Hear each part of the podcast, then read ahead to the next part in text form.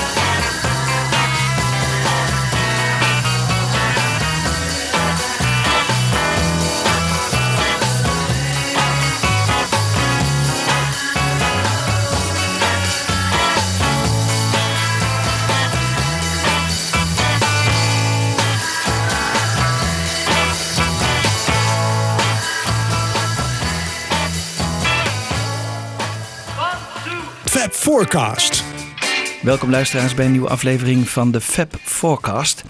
De vorige eh, hebt u misschien eh, gehoord en die ging helemaal over de vocalen van de Beatles. En dit keer is, zijn de instrumentalen centraal. Het was dus niet zo dat één speaker het niet deed bij u, want eh, het was eh, een instrumentale versie van I Call Your Name. En naast mij zitten... Wibo Dijksma. En Michiel Tjepkema. Ja. Michiel, om met jou te beginnen. eh, toen ik voorstelde instrumentaal, toen zei jij gelijk... Nou, dan wil ik heel graag horen I Wanna Hold Your Hand. Ja, dat gaan we toch zo meteen horen. Eh, ja, en inderdaad. waarom wilde je dat? Eh, Nou, ehm, het is inderdaad denk ik een van de... Als, je kijkt naar de vroege opnames van de Beatles, is denk ik een van de meest interessante in muzikaal opzicht. Als je hoort, bijvoorbeeld, vind ik de drumpartij van Ringo is fenomenaal erin. Er zitten handklapjes in. Er zit een enorme hoeveelheid compressie op de gitaar van John, waardoor het heel strak, bijna als een soort eh, orgel klinkt. Heel, heel, heel strak. Ja, het is gewoon een fantastische performance. En ehm, nou, ik, eh, ik kan niet wachten om die te laten horen. Eh, maar we moeten nog even iets zeggen over I Call Your Name, voordat we daar eh, meteen naar doorgaan. dat is goed. Wil je er iets over zeggen? Ga je gang. Nou, ik vond het wel aardig om te zeggen dat die, die, die solo die je op een gegeven moment hoort, de gitaarsolo, dat, dat dat ook een stukje is waarin men probeerde, de Beatles probeerde een beetje in te haken op de ska-rage die toen in, in Engeland helemaal booming was. Dus een heel nadrukkelijke invloed van buiten. En dat heeft ook wel een beetje. En, ehm. Hebben ze nou Doe maar uitgevonden? Of, eh, ja, Een beetje wel. Ja. Ja. ja. Nou, het voor die tijd wel uitzonderlijk, eh, zo'n zo'n ritme. Want was het niet een beetje underground in die tijd? Of het ska? Of... Ja, het, het- Ik kan me niet herinneren dat dat echt... Nee. heel groot was. Heel groot nee, was, nee. nee. maar ze ge- ze gingen er dus wel direct op in. eh. Ja. Ja. Dat ze dan toch ergens opgepikt hebben in eh, ja. de schimmige Ja. circuiten, Ja. denk ik. Ja, en wat ook interessant is dat, dan, dat een van de, eh, dat lees ik hier op internet, dat het een van John's Cowbell Trilogy is. Dus een van de weinige nummers waar een koebel voorkomt. Ehm, en de andere nummers zijn... A eh, Hard Day's Night? nou, die wordt hier niet genoemd. Nee? Eh, er zit ook een koebel in. Drive Ja. My Car. Drive My Car inderdaad. Ja. En, en de bekendste van de White Album. Eh, oh jee. Oh jee, oh jee, dit is een quizvraag. Ja, dat is eigenlijk een soort, ja, voor een ander soort koebel. Ja. Je hebt volgens mij echt zo'n Everybody's got- Ja, precies. Ja. Oh, ja, ja, ja. Ja. Something to hide. Ja, ja, ja. ja. Ja, dus, Oh, wat dus, dus ehm, en Ja. nou, dit is daar. Dat is meer een bel voor mij. Precies, Tingelingeling, ja. ja. Ja. Waar komt die koebel eigenlijk vandaan? Is dat een Beatle-uitvinding of werd er meer groepen met, met koebellen? Ik vind het zo'n raar instrument eigenlijk. Ja. Eh, ja. Ja, maar het was misschien dus een van de eerste innovaties van de Beatles eigenlijk. Hè? Eh, Het gebruik van nieuwe instrumenten. Dus ook de koebel. Ja, dat zat het natuurlijk in Abbey Road waar ze opnamen. Daar eh, een keur aan artiesten hebben daar al opgenomen. Er was zo'n onder die trap, die beroemde witte trap die naar de controlekamer loopt. Daaronder zat een kast. En die stond vol met allerlei instrumenten, met de gekste instrumenten die je kon verzinnen. Dus daar gingen de Beatles gewoon dan inkijken. Nou, wat zullen we vandaag weer eens gaan gebruiken? En dan haalden ze weer een rare, zoals op Every Little Thing hebben ze zo'n dong dong, weet je wel? Die- Ja. Zo'n timpali heet dat Oh, geloof ja. ik. Ja. Die stond daar ook in de kast. Ah, wat leuk. Dus Maar had Ringo nou ook een koebel bij zich eh, bij live optredens? nee, dat geloof ik niet. Ik denk het niet. Nee. Nee? Nee. Oké. Dus En, dat was één noviteit. En de andere noviteit was de, de 12-string, de 12-snarige Rickenbacker van George. Die was heel, heel duidelijk te horen natuurlijk. Ja. En was daarvoor alleen nog maar te horen in I Should Have Known Better. Maar in ieder geval heel sterk uh, Birds geluid. Ja, hoor ik in Birds dit nummer. geluid, Ja. Ja. Ja. Ook, niet, Roger ook in een McGee. Hard Day's Night volgens mij toch, het nummer? Daar Ja. zit ook een Ja. 12-string solo Ja. in. ja, zit ook. Maar I Call Your Name is dus wanneer ongeveer opgenomen? Is het na, de, na het album A Hard Day's Night, toch? Ja, helemaal aan het slot van de opnames van Hard Day's Night. En toen werd er even overwogen om het op te nemen in de film zelf. Maar daar, van dat idee werd al snel afgezien. En dus is het, eh, ja, waar is het eigenlijk terechtgekomen? Op een singeltje, hè? EP geloof ik. Oh, een EP. EP Long Tall Sally, als ik me niet vergis. Ja, heel Er goed. wordt gezegd dat Ja. het over de moeder van John ging, Julia. Ah. Dus dat dit Ja, het eerste dat nummer is zou wat kunnen, eh, over Julia eigenlijk ging. Dus niet over een liefde, maar over En zijn. wat gaan we dus doen? We gaan vandaag alleen maar luisteren naar instrumentale. Alleen maar luisteren naar instrumentale. En ehm, de volgende, laten we eerst maar gewoon even gaan luisteren naar I Wanna Hold Your Hand. Ja,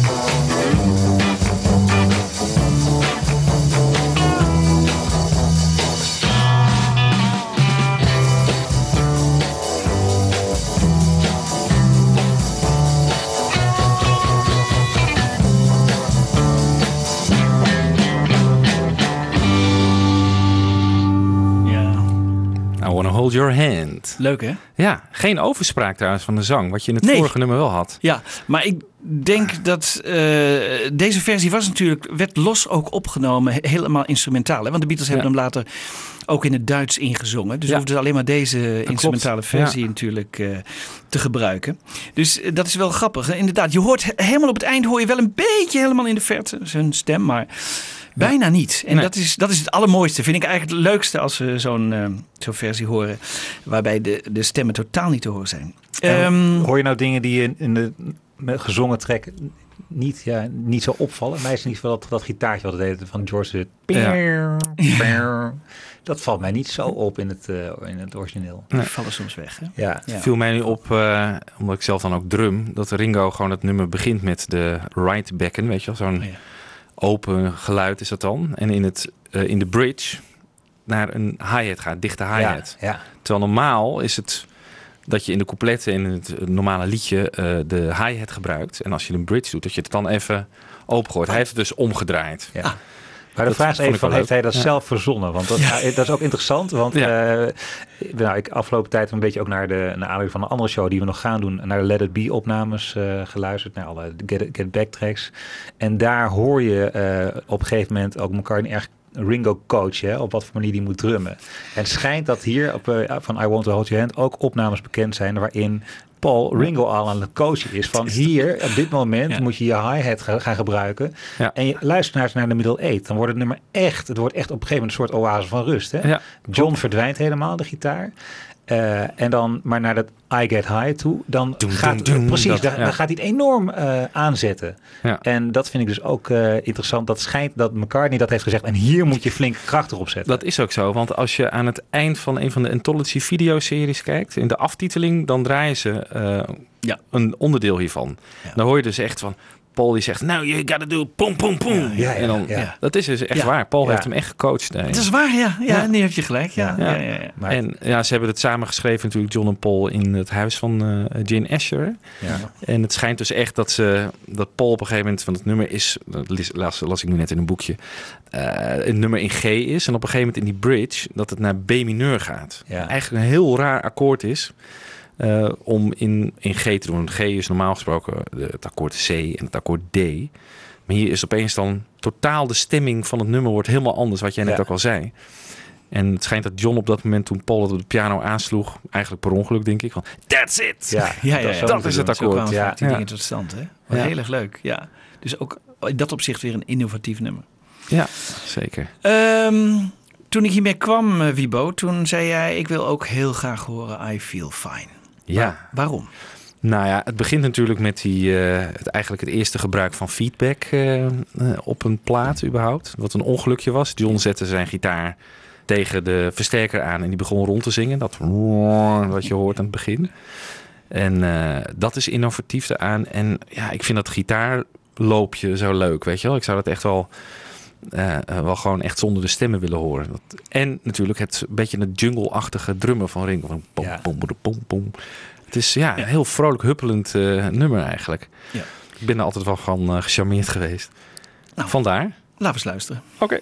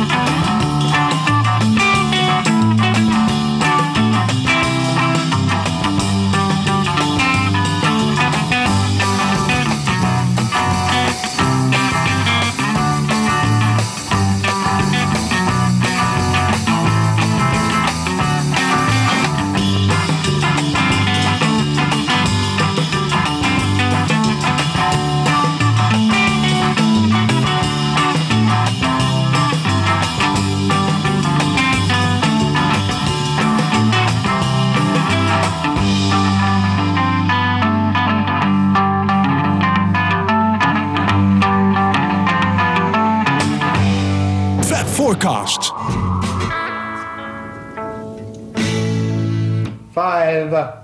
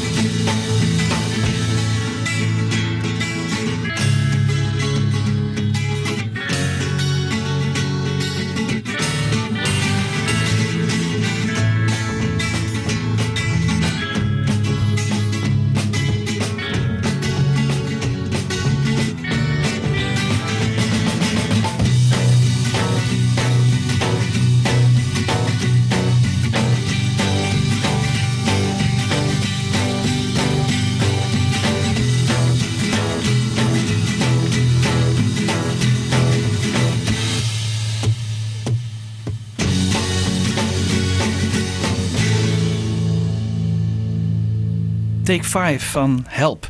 Voordat we daarover gaan hebben, nog even over het nummer wat ervoor zat. I Feel Fine. Michiel, ehm, jij hebt daar wel een paar leuke opmerkingen over. Ja, het schijnt dat de drumpartij van Ringo, die zo heerlijk losjes is en het nummer zo lekker licht en, makkelijk in het gehoor maakt, dat die eh, eigenlijk vrij letterlijk is gebaseerd op het nummer What I Say, het bekende nummer van Ray Charles. Ja, wat de Beatles ook hè, regelmatig Ja, eh, zelf in Hamburg hebben ze het veel gespeeld. Ja. hè. Enorm lange sessies. De, het oorspronkelijke nummer duurt al zes minuten en eh, daar kon ze heerlijk op, eh, op voorjammen. En als je het luistert, maar niet alleen die drumpartij, maar ook het hele, nou ja, we horen hem nu al. Ja, wie wil je het is gewoon I Feel Fine.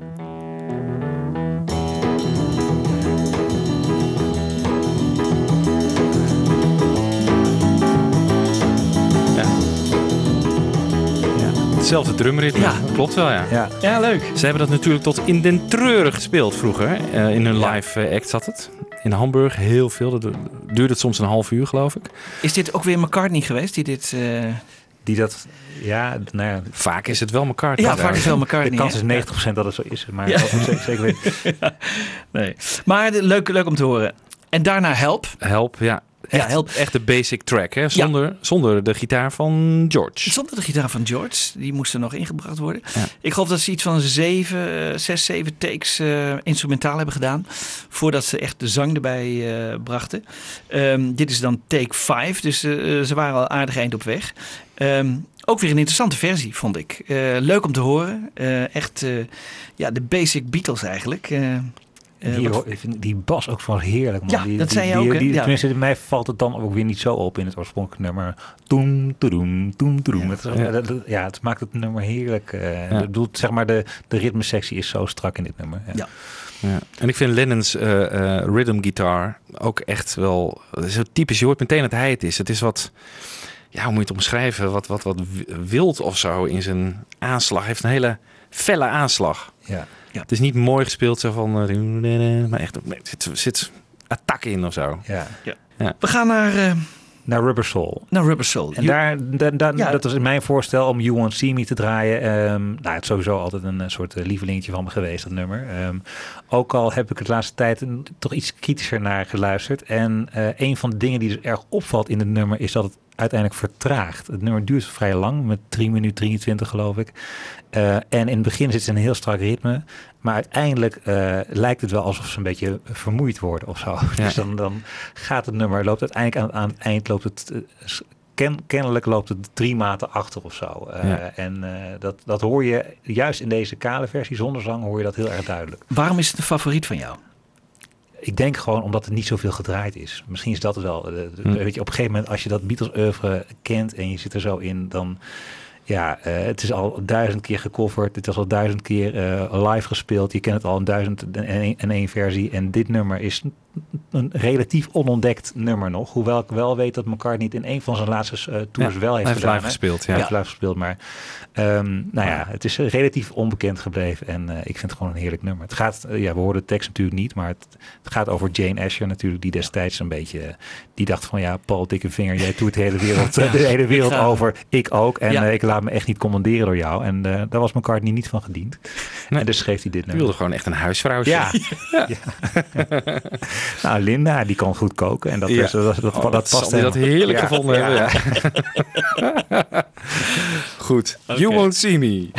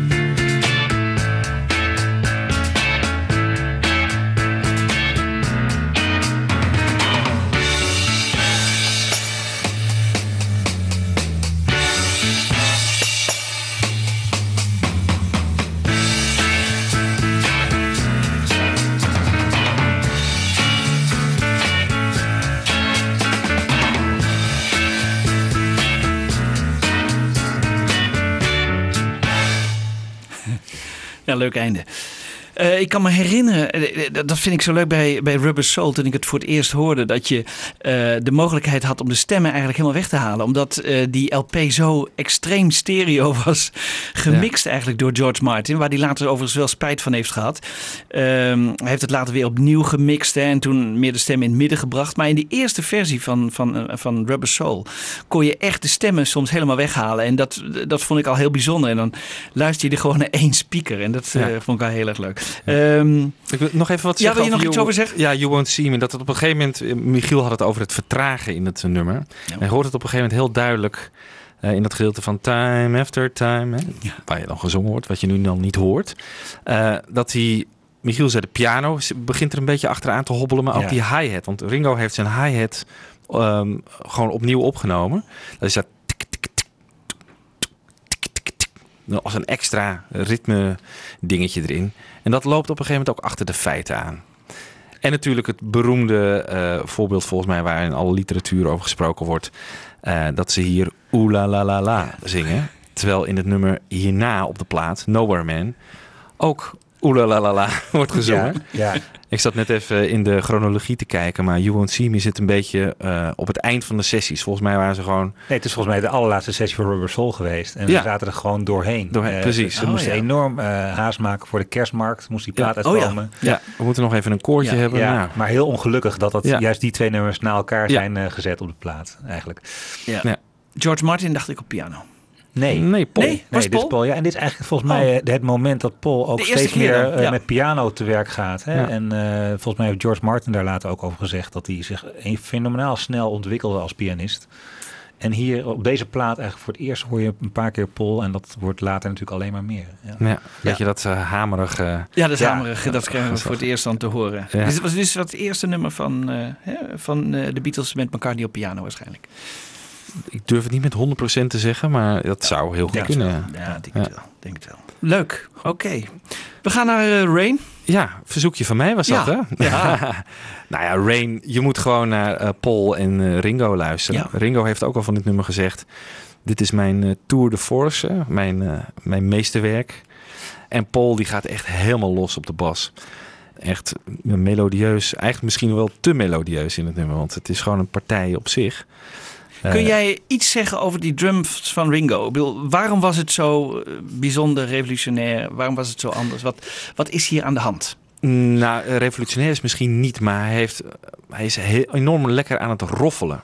Heel veel van die, van die lekkere roffels zitten gewoon een hele lekkere groove in. En die wordt gewoon echt door de ritmesectie wordt die neergezet. En eigenlijk door Ringo alleen, want Paul die zit daar een beetje omheen te, te bassen.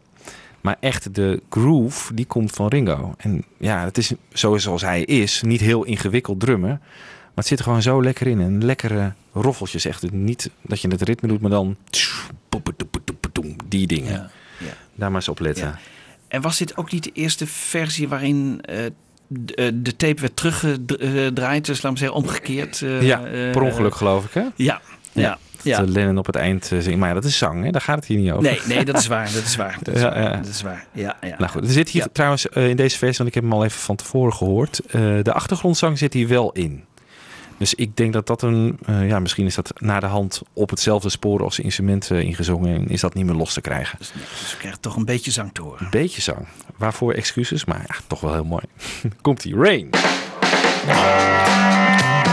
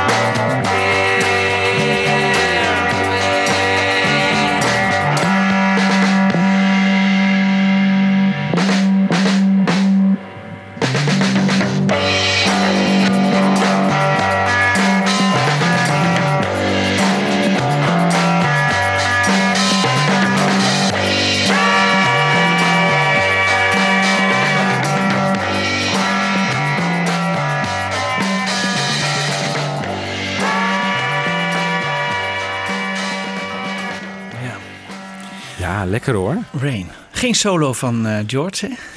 Nee, Nee. nee, nee die, zat, eh, die zat er nog niet in. Ja, en John's een- eh, achtergrondzang hoorde je op een gegeven moment. En de, de koortjes van Paul en George. Ja, echt een Ja. John-nummer vind ik het ook wel. Hè? Ja. Het, is, het is vrij dat staccato zingen. Hè? Niet heel veel melodielijn Niet, heel- erin. niet veel maar- hoogteverschillen, nee. Het is Nee, echt, nee, eh, nee.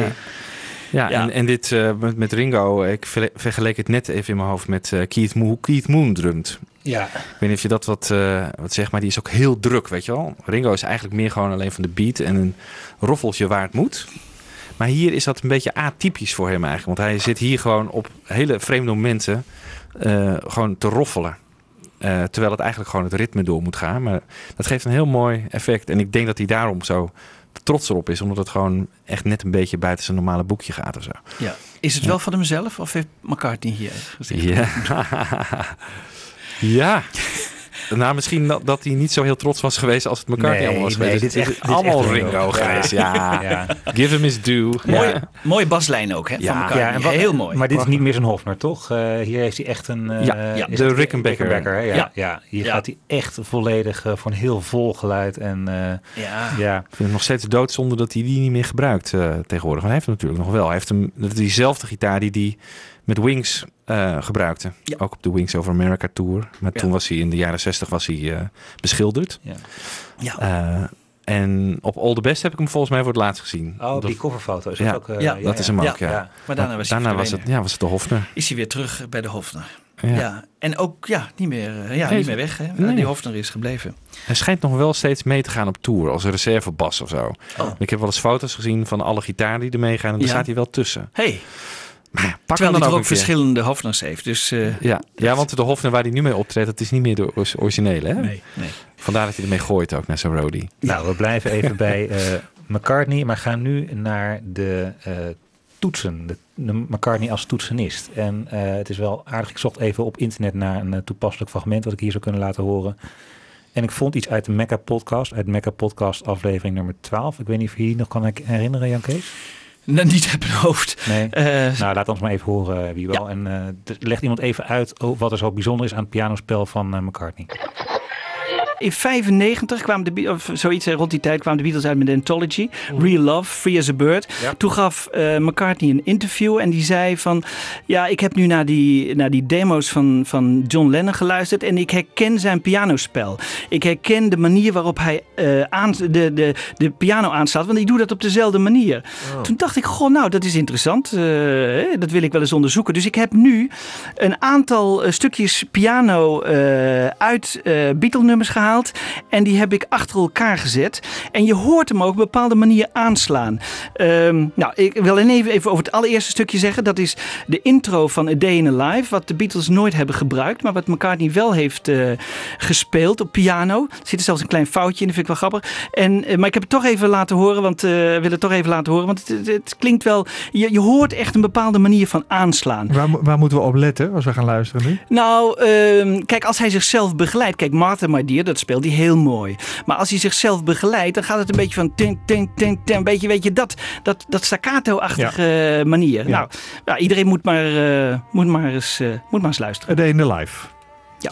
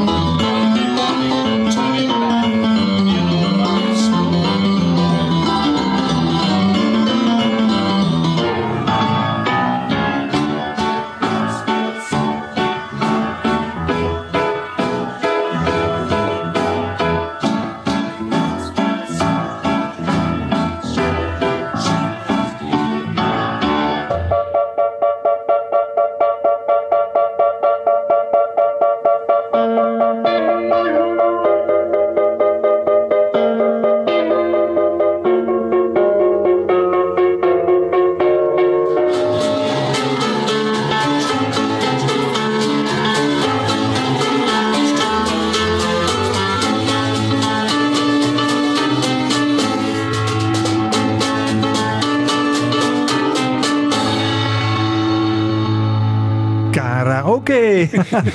ja, ik weet niet hoe het met jullie is, maar ik ga dan meteen meezingen. Ja, ja, ja leuk is dat, hè? En die neiging krijg ik ook. Maar het is wel grappig dat je het gezegd hebt. Dat, dat staccato, dat hoor ik erin. Dat, Ja. dat ritme zit er een beetje in. Dus het is inderdaad wel een, een, een eenduidige stijl de- te noemen. Ja, en het is ook, eh, ik heb dat al eens een keertje in een eh, interview met een, eh, met een klassieke pianist eh, gehoord over Elton John. Die klassieke pianisten ergeren zich bij popmuzikanten vaak aan het feit dat ze alleen maar hard kunnen spelen. Ja, het, is ja, ja. allemaal, Oh ja. het is natuurlijk toch een rock'n'roll manier van spelen. Namelijk eh, eh, het ritme ook meteen bepalen. Ja. Ja, dat is Ja. waar. Heeft hij dat niet vooral ook van Fats Domino overgenomen? Ja, dat zou heel goed Ja. kunnen. Ja, Fats Domino, Ray Charles en zo. Dat Ja. zijn toch wel eh, voorbeelden voor hem. Dat zou heel goed kunnen, want je hoor je ook een beetje dat, dat Fats Domino-achtige in, hè? Dat, eh, ja, het is hameren echt. ja, het is hameren echt, ja. George Ja. Martin zei Ja. destijds toch wel dat McCartney de beste pianist van het stel was. Hè? Ja. In ieder geval beter dan Ringo en dan George. Nee, maar pas als het, als het aankwam zeg maar, op, op, op wat klassieke eh, muziekgeschoolde eh, themaatjes, dan kwam George Martin er zelf aan te pas. Ja. Ja, ja. Maar McCartney was toch wel ja. McCartney heeft in die Let It Be-periode ook wel eens, hè? 's ochtends vroeg, dan hoor je, hè? Dan, dat, waar de film als mee hij begint. bij de film mee begint Ja. en dan, dan speelt Ja. hij een beetje van het- Hij hij kan het ook wel een beetje, dat mooie en zo. Hè? Hij speelt goed. Ja, hij vind speelt ik. goed. Hij En, en ik mag hem graag. eh, ja, de Ja. mooiste nummers van McCartney zijn misschien toch ook wel vooral met piano gemaakt. Hij, hij schrijft er veel, hè? hij componeert er veel achter Ja. de piano. eh, Ja. Dat inspireert hem tot een ander soort liedje dan als je achter de gitaar eh, liedjes. eh, Het is een heerlijk instrument in ieder geval. Fab Forecast.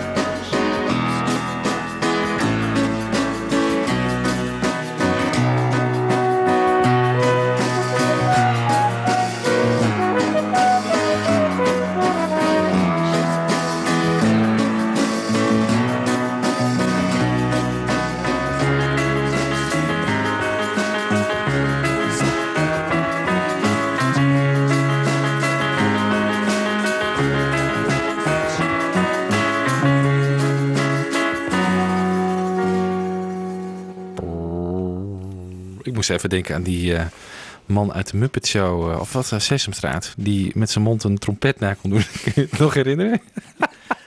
ik weet niet waarom. Pop, pop, pop, pop, pop, pop. Nee, daar moest ik helemaal niet moest je niet aan denken.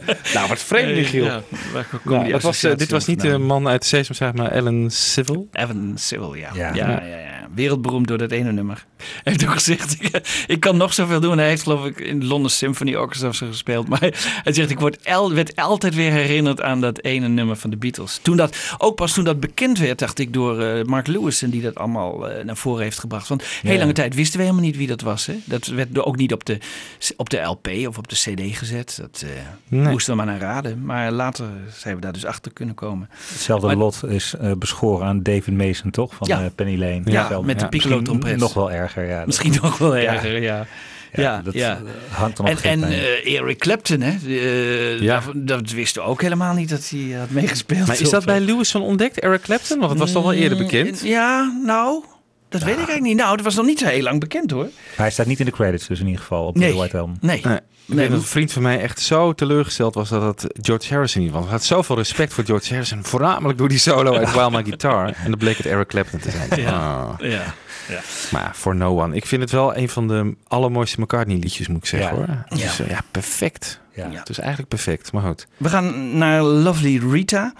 Ehm, Michiel, eh, als je naar die Sgt. Pepper LP eh, luistert, eh, eigenlijk zijn ze allemaal mooi hè? Ja, je, je hebt ze ook op internet eh, helemaal te horen. Je kan ze helemaal horen. hè. Helemaal zonder zang eh, zijn ze gewoon Ja. eh, op YouTube eh, te beluisteren. Dus het is lastig om hier een keuze te maken. Ehm, ja, op alle, op alle punten. Ik bedoel, niet alleen de drum, maar ook de baspartijen van McCartney natuurlijk zijn alle nummers geweldig. En eh, dit nummer, Lovely Rita, vind ik zelf aardig, omdat aan het eind, eh, dat, het wordt bijna een soort jam sessie tussen de Beatles. Hè. Ze Ja. gaan een beetje het Hm. ritme variëren. En er zit een zekere losheid opeens in, die, in dit nummer, die je misschien Ja. op de rest van de plaat niet zo duidelijk hoort. Die, Nee. Namelijk bestudeerde plaat. Ja. Maar ehm, nee, heel, heel mooi om te horen in ieder geval.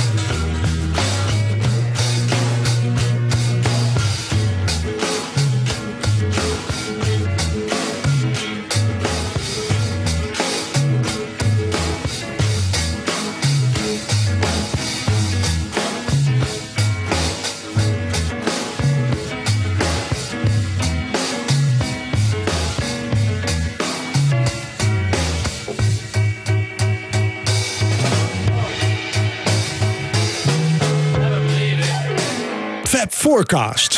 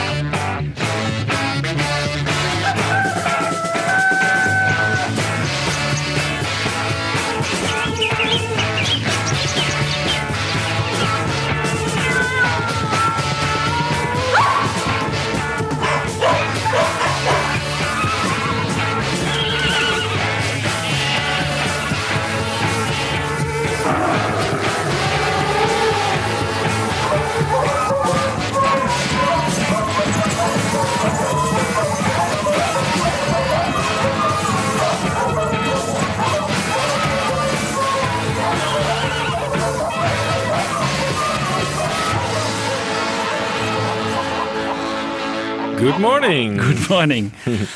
Inspiratie was geloof ik een Kellogg's Cornflakes eh, commercial hè? Ja. die hij had gehoord.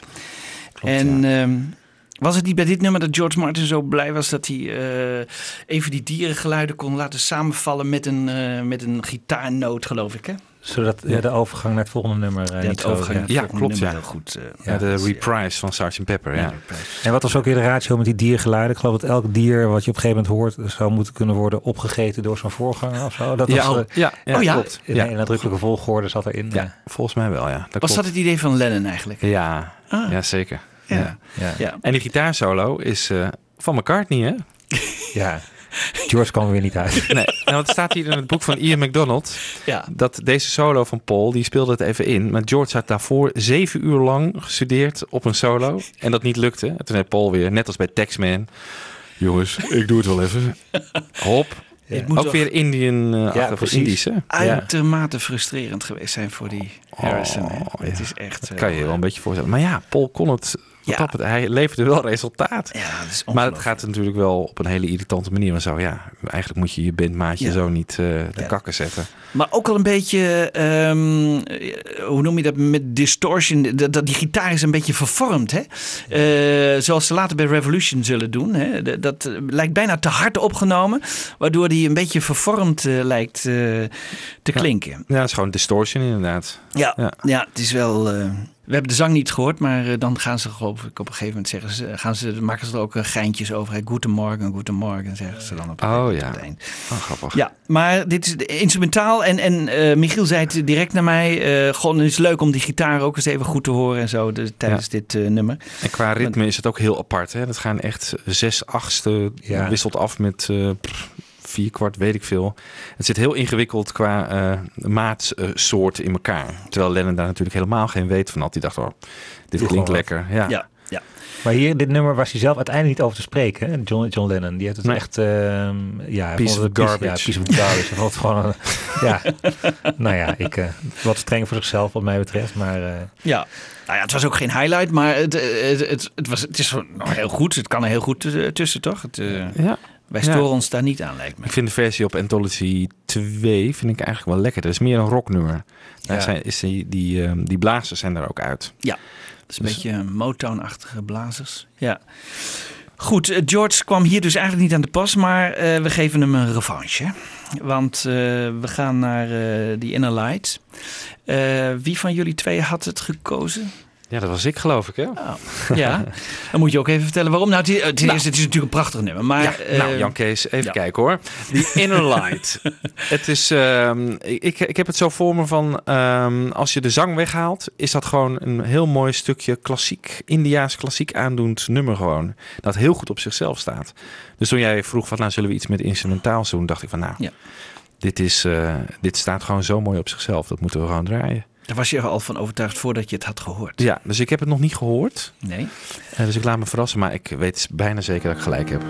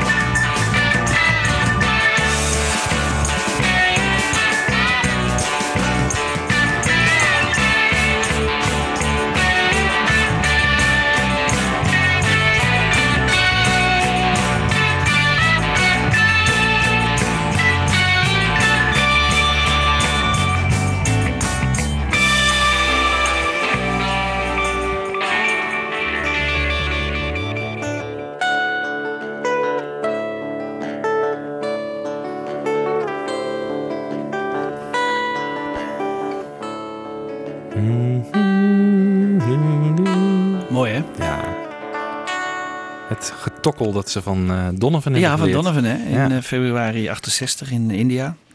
Heel mooi. En ik ik vind eigenlijk dit hele nummer, dat, dat staat op zichzelf. Je, je, je, je kunt het bijna eh, van genieten ook zonder, eh, Zonder de zang. van, Ja. eh, van Lennon. Hoewel dat natuurlijk een prachtige toevoeging is. Maar dit nummer staat helemaal op zichzelf. Het is een, echt een prachtig nummer. Nog even over de Inner Light. Hè? Want eh, dat is toch eigenlijk alleen George Harrison met George Martin. En wat India. Het is in India. Harrison In- was in, in die Bombay? tijd in Bombay Ja. ehm, eh, voor de soundtrack van Wonderwall, die eh, film. Ja.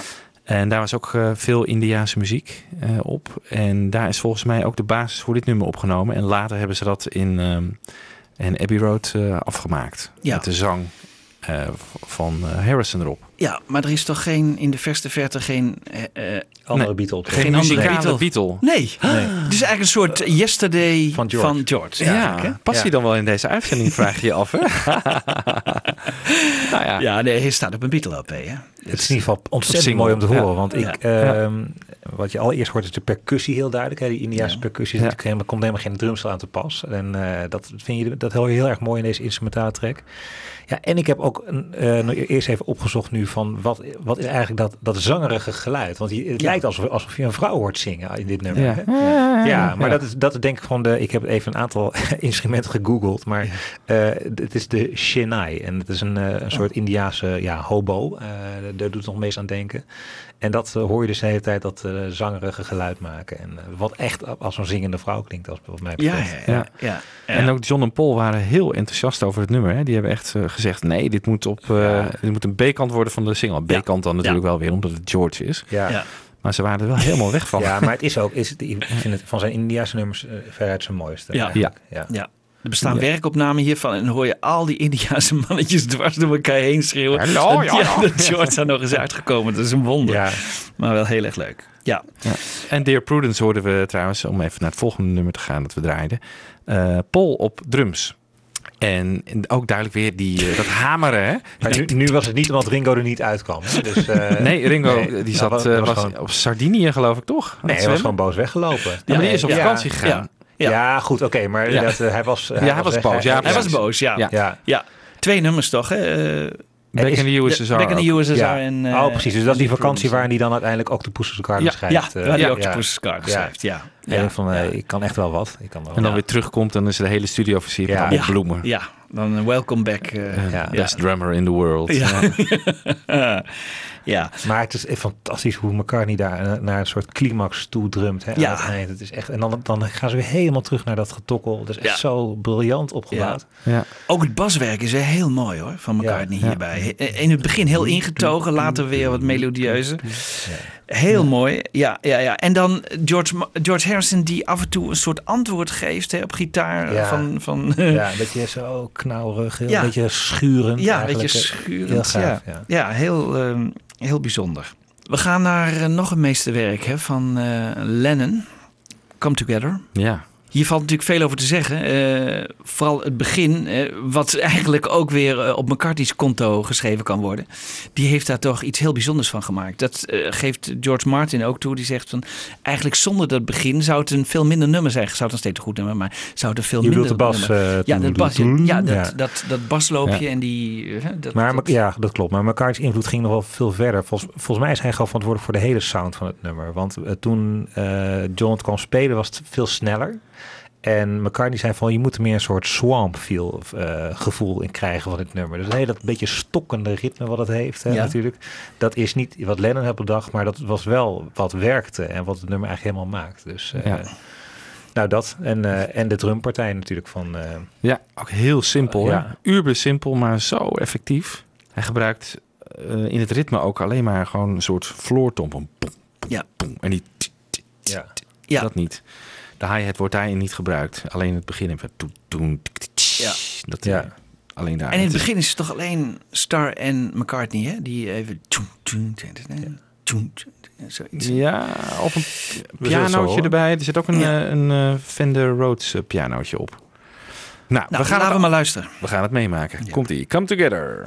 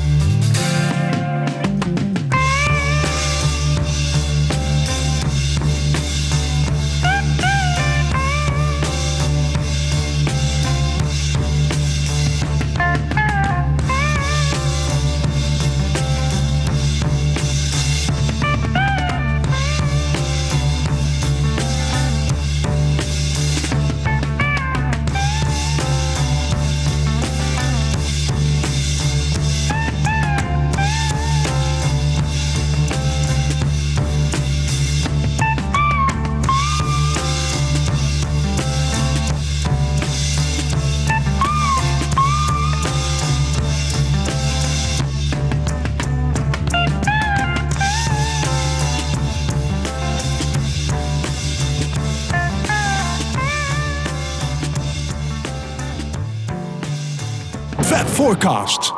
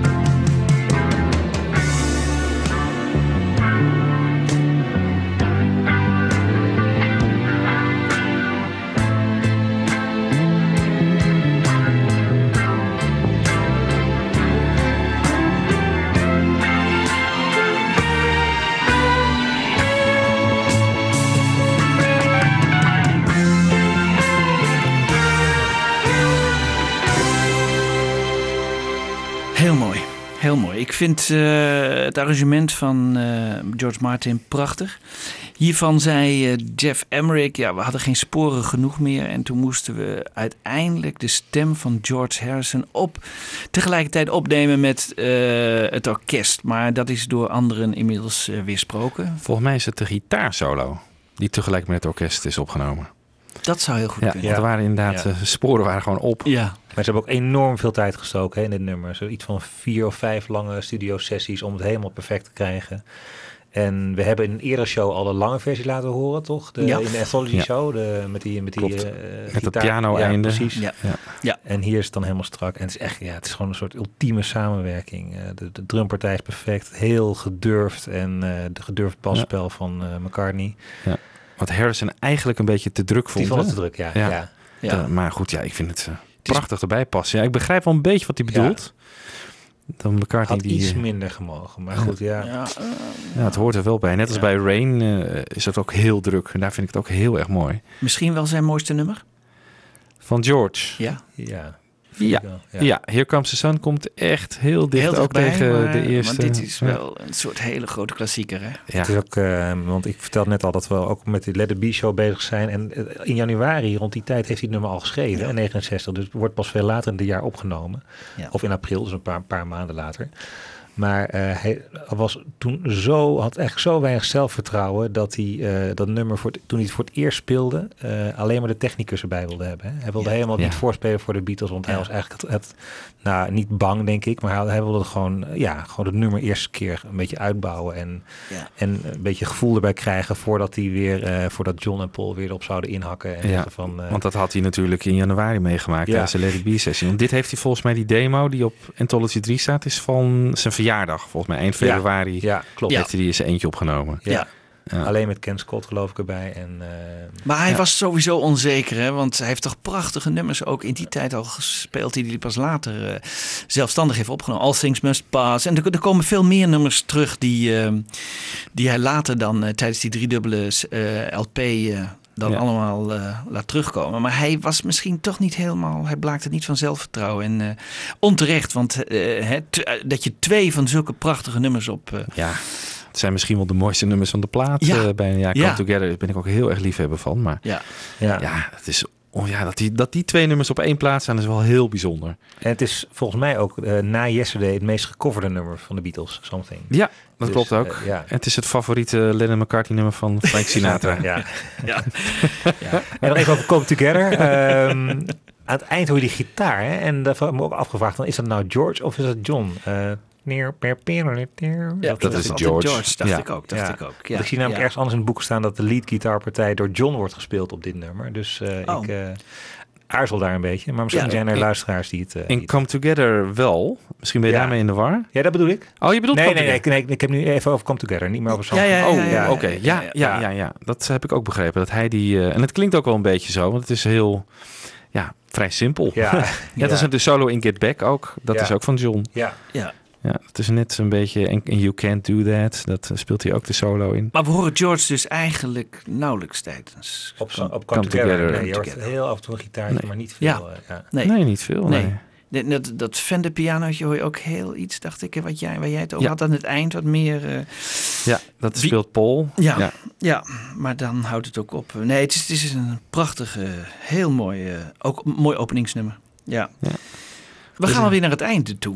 Ja, inderdaad. Dat gaat best snel. Ja. Wie wil weer een verzoek van jou, The Word? Omdat het eh, onze... dat was eigenlijk de enige reden. Nee, nou ja, The Word is natuurlijk onze eh, herkenningstune. Ja. Om het zo maar even te zeggen. Die gebruiken wij elke Ja. aflevering.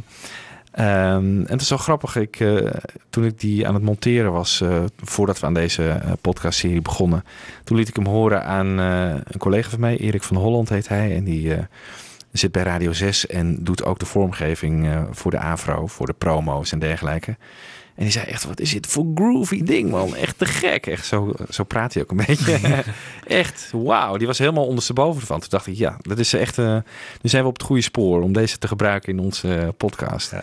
En als je het gewoon zonder zang hoort, ja, het is een Ja. lekker, lekkere groove. Ik dacht dat dit een versie was nog zonder de overdubs van de mondharmonica, als ik het niet, niet vergis. Oké, nou, dat gaan we zo meteen eh, luisteren. Nou, leuk eh, was dit, eh, Jan Kees. Ja, Ja. nou, hebben we ook eh, de vorige keer vocaal, nu instrumentaal. De Beatles blijven op alle punten toch eh, ruim overeind, hè? Ja, dat dacht ik, ja. Ja, want ik dacht altijd een beetje dat het instrumentaal, ja, oké. want omdat ik denk dat Beatles voornamelijk sterk zijn en eh, onderscheidend in hun zang. Maar dit Ja. is me eigenlijk heel erg eh, meegevallen. Eigenlijk weer een herwaardering voor hun eh, instrumentaliteit. Zullen we wel zeggen, eh, veel nummers uit het begin, die zijn wat lastiger om alleen instrumentaal te horen. hoor. Als je echt, maar naarmate ze vorderden, en, en, en, en, zeker naar Rubber Soul, wordt het echt een plezier om naar te luisteren. Gewoon, bedoel je lastiger zonder- omdat je de vocalen Nou ja, dan, dan is het wat minder interessant. Dan is het wat minder interessant, hè? She Loves You bijvoorbeeld, Ja. alleen instrumentaal. Dat is wel te horen, maar dat is niet, niet echt leuk of zo. Niet, ja, het is maar, maar niet zo interessant als ze later worden. Waarin ze echt heel leuk met allemaal Ja, met eh, geluiden en ritmes gaan geluiden, spelen. ritmes ja. gaan Nou, spelen. en we hebben nu nog niet eens de Magical Mystery Tour, hebben we niks van gedraaid. Maar dat had natuurlijk makkelijk Nee. gekund. Ja. Eh, I'm the Walrus, Strawberry Oh, ja. Fields, eh, Ja. Hello Goodbye. Ja. En van Let It hebben- Be hebben we ook niks gedraaid. Nee, Nee, nee. Nou, Ah, het, goed. eh, er blijft nog wat over. Ja, we kunnen zo weer een nieuwe eh, aflevering vullen met instrumentalen. Misschien doen we dat in de toekomst nog wel eens. Voor nu eh, bedankt voor het luisteren weer. En eh, we zaten hier met Jan Kees, Michiel en Wibo. En eh, we gaan eruit met de Word. Tot de volgende keer.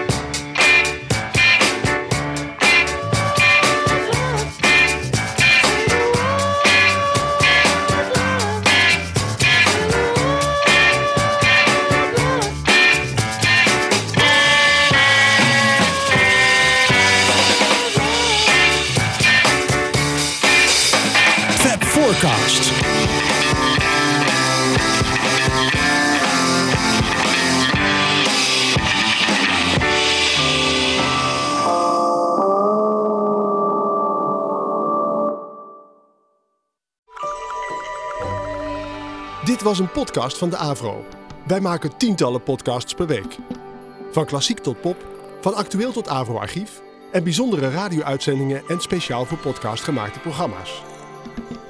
Kijk op avro.nl slash podcasting voor een compleet overzicht. Wij bieden als luisteraar alle vrijheid, nu en in de toekomst.